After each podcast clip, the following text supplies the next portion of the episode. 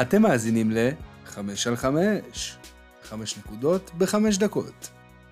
וואו, אני חושב שזה אחד הפרקים שהיה לי הכי קשה להחליט על מה אני הולך לדבר. מג'יק הוא פשוט אחד השחקנים הכי מרשימים שיצא לי לחקור, כי יש עליו כל כך הרבה אינפורמציה, יש כל כך הרבה מה לדבר עליו, כל כך הרבה נושאים, שהייתי יכול לעשות פודקאסט רק עליו, וכל יום לתת לכם חמש דקות על נקודה אחרת על מג'יק ג'ונסון. זה פשוט מטורף לכמה הישגים הבן אדם הזה הגיע. ושתבינו, זה באמת לא היה פשוט. יכלתי לדבר על הסדרה שעשו על זה ב-HBO, לייקרס קבוצה מנצחת, שמי שלא ראה, אני ממליץ בחום לראות. ובאמת, כל כך הרבה דברים אפשר להגיד עליו, אה, אז פשוט אשאיר אתכם במתח לפרק. הכינוי שלו. אז איך ארווין ג'ונסון קיבל את הכינוי שלו? נשמע מוזר, נכון? להגיד ארווין ג'ונסון. כבר אנשים שכחו שזה השם שלו, והכינוי מג'יק פשוט נדבק עד היום. אני לא חושב שיש שחקן בספורט בכלל ובכדורסל בפרט שהכינוי שלו החליף את השם הפרטי שלו, והיום הוא מזוהה בכינוי שלו. מג'יק לא סתם קיבל את הכינוי הזה. המאמן שלו בתיכון נתן לו אותו. הוא אמר שמג'יק הוא כמו קוסם, יש לו כישורי מסירה והוא מבדר את הקהל.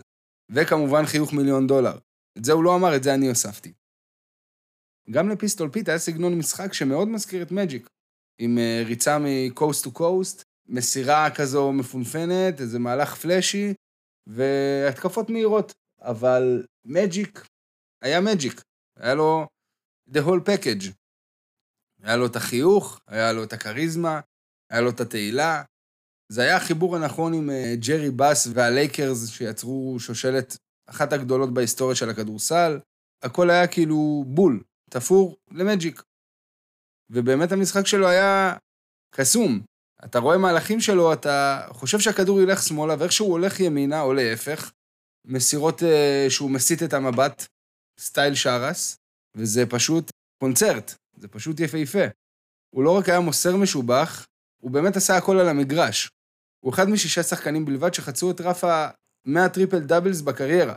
יש לו 138 כאלה. יחד איתו יש את יוקיץ', לברון, ג'ייסון קיד, ראסל ווסטברוק ואוסקר רוברטסון. הגמר ב-1980.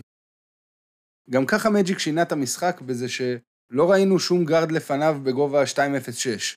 רק לשם השוואה, אוסקר רוברטסון, שהכינוי שלו היה ביג או, היה מטר 96. אז מג'יק זה משהו שלא ראינו בליגה לפני. ובגמר ה-NBA, בעקבות פציעה של קרים במשחק מספר 5, מג'יק שיחק כסנטר במשחק השישי, וסיפק תצוגה היסטורית עם 42 נקודות, 15 ריבאונדים, 7 אסיסטים ו-3 חטיפות. אני פותח סוגריים ואומר שהיה משחק שישי, למרות שהסדרות עד 1984 היו הטוב מחמש. וזה קרה כי היה שוויון 2-2, ואז צריך הפרש 2, כמו בכדורעף, שאם יש 10-10 המשחק עד 11, אז משחקים עד 12. אז מג'יק נתן את משחק חייו במשחק מספר 6, והוא זכה באליפות כרוקי, והוא זכה ב-MVP של סדרת הגמר.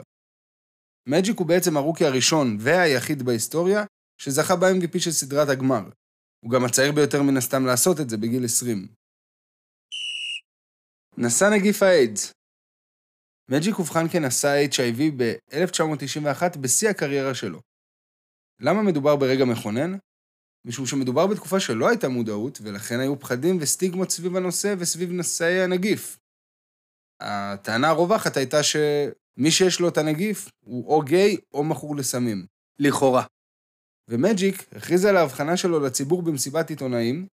בשונה לחלוטין מעופרה חזה, הוא פתח את הנושא ודיבר על הנושא והפך להיות שגריר של הנושא, וחינך למודעות והקים את קרן מג'יק ג'ונסון, שמימנה מחקרים, ועזרה בהסברה, ופיתחה תוכניות מניעה שונות, בין אם בחינוך לקיום יחסי מין בטוחים, או לעבור בדיקות, או טיפול תרופתי מקדים, ו...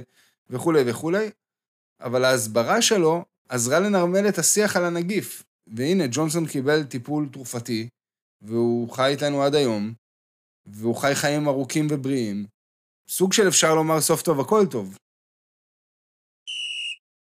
איש עסקים גדול. בכל הקריירה שלו מג'יק הרוויח מכדורסל קצת פחות מ-40 מיליון דולר. אם הוא היה משחק היום, הוא היה עושה את זה בשנה. אפילו פחות. אז איך לפי הערכות? מג'יק שווה 640 מיליון דולר.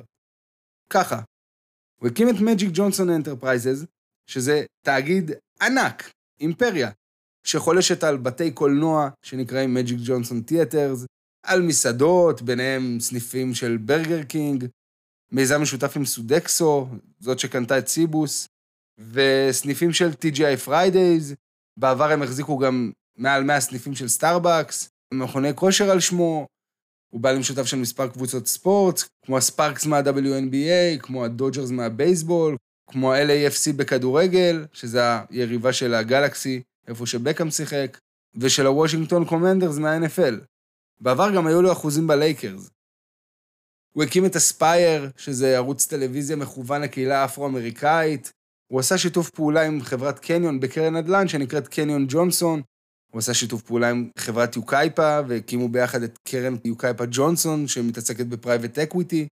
הוא בעלים של חברת אקוויטראסט, שזו חברת ביטוח. ואחד הדברים היפים שהוא עשה, זה שהוא הקים את מג'יק ג'ונסון ברידסקייפ, שזו בעצם מסגרת חינוכית שעוזרת לילדים שנשרו מבית ספר או בדרך לנשור, להשיג תעודת בגרות ולהשתלב בחברה באמצעות ייעוץ, הכשרות עבודה, תמיכה אקדמית וכולי. היריבות עם לארי ברד. אי אפשר שלא לדבר על היריבות עם לארי ברד, כי בעצם זו היריבות שהרימה את ה-NBA לגבהים חדשים.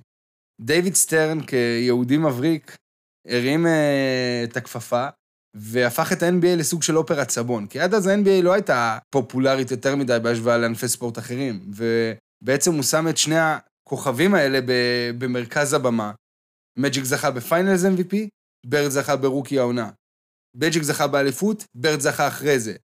ברד זוכה ב-MVP, מג'יק זוכה ב-MVP. כאילו, הליגה התחלקה לשניים, וזה גם בא לידי ביטוי בנרטיב שיצרו בליגה סביב כל הסיטואציה הזאת. כאילו, או שאתה בצד של מג'יק וה-showtime, וה-glam, וכל הניצוץ הזה של הוליווד, או שאתה בצד של לארי והסלטיקס, ואתה כזה בעד מעמד הפועלים במרכאות, קבוצה של עבודה קשה, אפשר להגיד גם קבוצה לבנה, כי מדובר בכל זאת באמריקה של האייטיז, אבל הם הרימו את הליגה באמת לגבהים חדשים, והם שלטו בליגה עם שמונה אליפויות בעשור אחד, ואפילו צ'ארלס ברקלי אמר שאם לא הם, הוא לא היה מגיע למה שהוא הגיע, כי הם אלה שסללו את הנתיב.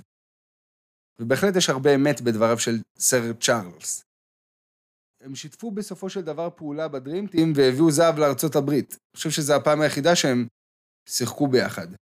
למרות ה-hype, הם נפגשו רק שלוש פעמים בגמר, בהם מג'יק ניצח פעמיים.